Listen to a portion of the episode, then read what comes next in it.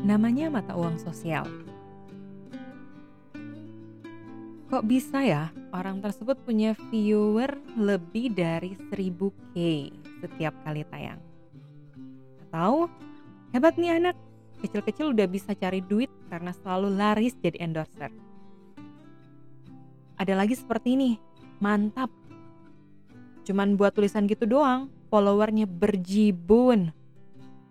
Nah, itu dia Seseorang yang bisa membuat karya video dan ditonton lebih sejuta orang, apalagi di subscriber oleh jutaan pemirsa, kita sebut dia mempunyai mata uang sosial.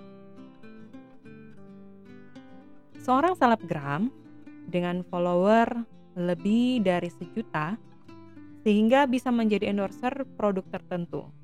Itu karena adanya mata uang sosial seorang copywriter yang suka membroadcast atau mentweet tulisan pendek, pasang hashtag atau tagar, dan langsung di-follow oleh ribuan orang. Dia kita sebut punya mata uang sosial. Jadi, mata uang sosial dimiliki oleh orang-orang sukses yang berkecimpung di media sosial. Karena itu, mata uang jenis ini banyak diburu, diinginkan oleh banyak orang.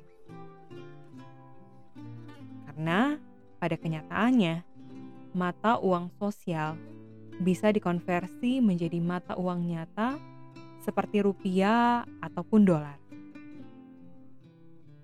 Namun, mata uang ini tidak bisa dijual belikan atau ditukar sesama mata uang sosial. Meskipun ada orang yang tidak ragu mengeluarkan uang banyak hingga ratusan juta rupiah untuk mendapatkan jenis mata uang ini. Jadi, mata uang jenis ini memang menggoda setiap orang karena harganya bisa dibayarkan dengan kebanggaan dan rasa hebat dari pemiliknya. Tapi, kita perlu berhati-hati untuk berjuang mendapatkan mata uang sosial ini jika tidak, bersiaplah untuk merugi. Mata uang sosial sangat menggoda.